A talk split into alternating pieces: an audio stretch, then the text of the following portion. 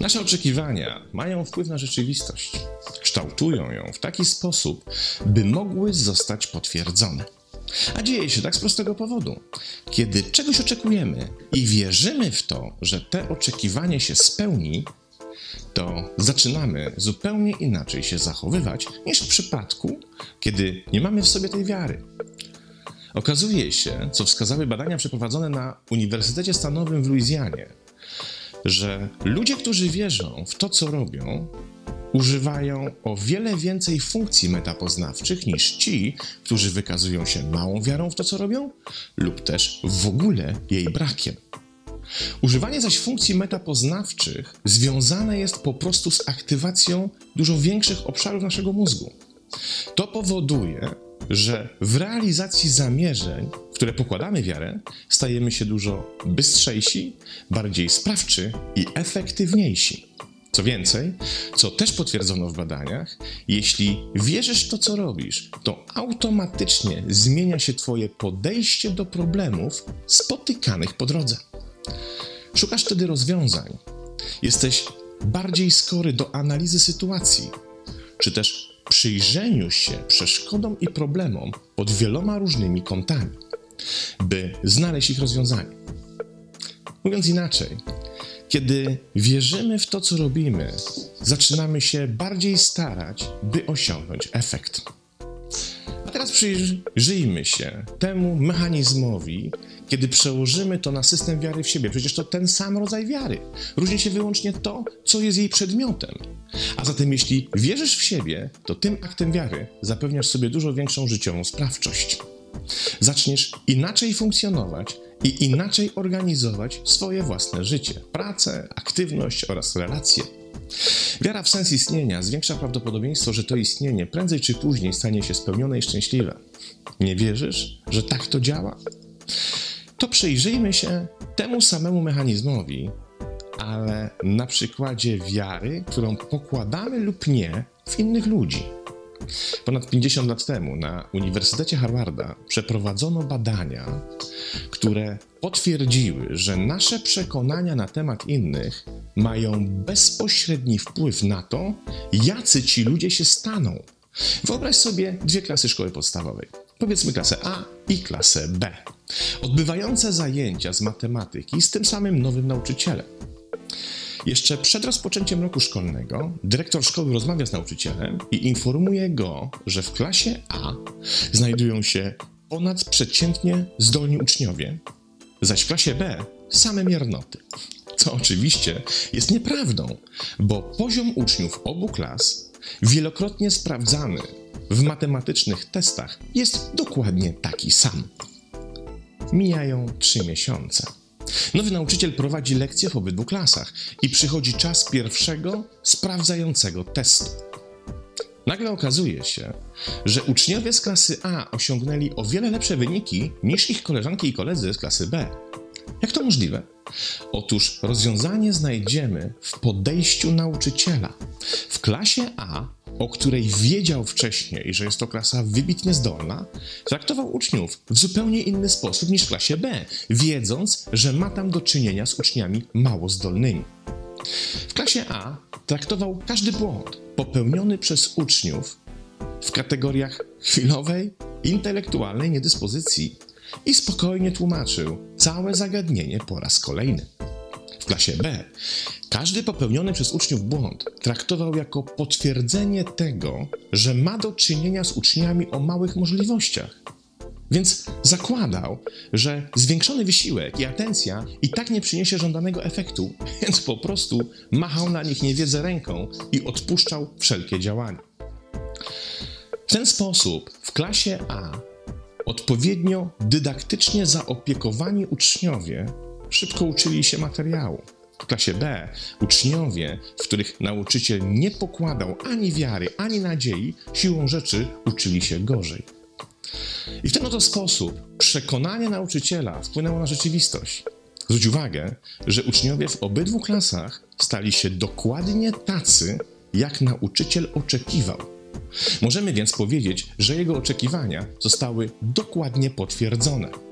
Jednak nie dlatego, że były słuszne, ale wyłącznie dlatego, że sam nauczyciel zachowywał się zgodnie ze swoimi oczekiwaniami, więc rzeczywistość odpowiedziała zrealizowaniem tych oczekiwań. To oczywiście konkretna odmiana efektu znanego zarówno w psychologii, jak i socjologii, jako efekt samospełniającego się proroctwa. Tutaj, w tym konkretnym wypadku, mamy do czynienia z jego odmianą, znaną jako efekt Pigmaliona. Przypomnijmy tę postać. To sławetny król Cypru, którego losy znamy z mitologii greckiej. Czym się wstawił Pigmalion? Otóż wymyślił sobie idealną kobietę. Tak doskonałą, jak tylko można sobie wyobrazić. Kiedy zaś wyobrażenie było gotowe, postanowił je urzeczywistnić, wykuwając z kości słoniowej posąg tejże wyobrażonej piękności. Posąg okazał się tak cudowny, że nieszczęsny Pigmalion się w nim zakochał. I mamy klops, bo kobieta piękna, tyle że trochę mała w niej ruchu i życia. Za mało jak na Pigmaliona, zatem bohater naszej historii zaczął się gorliwie modlić do Afrodyty, by ta ożywiła posąg. Co się później działo, niespecjalnie już nadaje się na bajkę dla dzieci. W każdym razie, nasze oczekiwanie co do jakiejś konkretnej osoby będzie skutkowało wygenerowaniem naszego nastawienia do niej, w czego efekcie zaczniemy ją traktować w taki sposób, by nasze oczekiwanie prędzej czy później zostało potwierdzone. Tę zasadę można ująć w prostych słowach. Jeśli będziesz kogoś traktował wiecznie jak głupka, to w końcu on zacznie się zachowywać tak, że w Twoich oczach będzie to potwierdzeniem jego głupoty.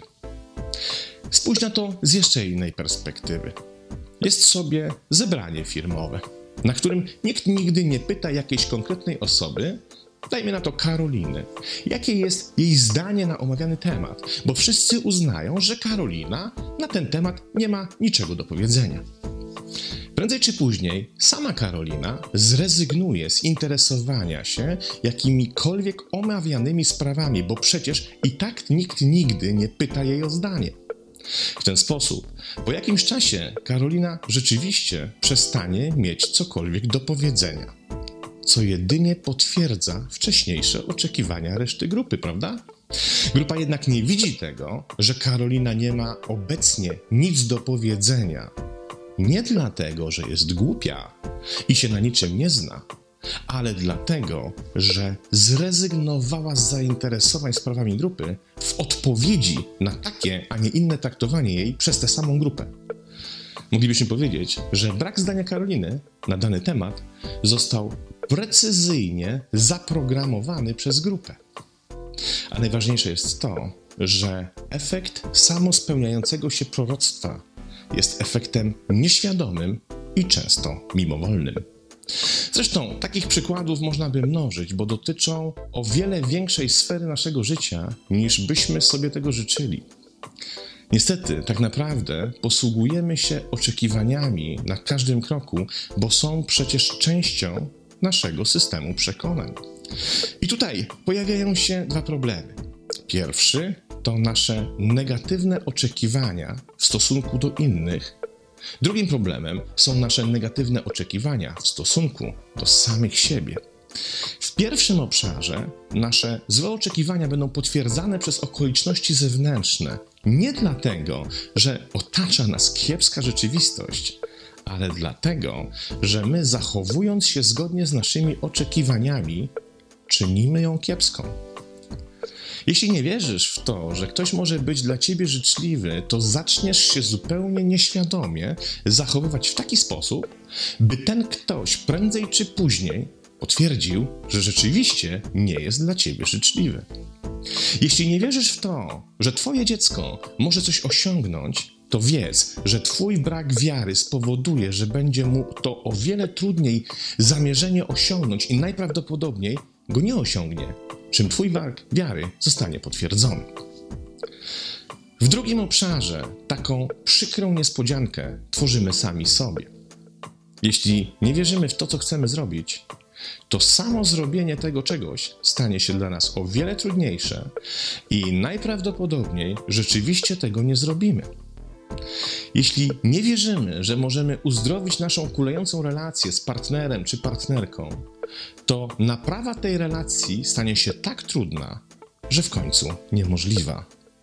Bo sam akt braku wiary spowoduje, że podejdziemy do każdej ze sfer swego życia z dużo mniejszym zasobem zdolności kognitywnych niż powinniśmy, a co za tym idzie, nie skorzystamy wówczas z odpowiednio dużych, solidnych zasobów naszego intelektu.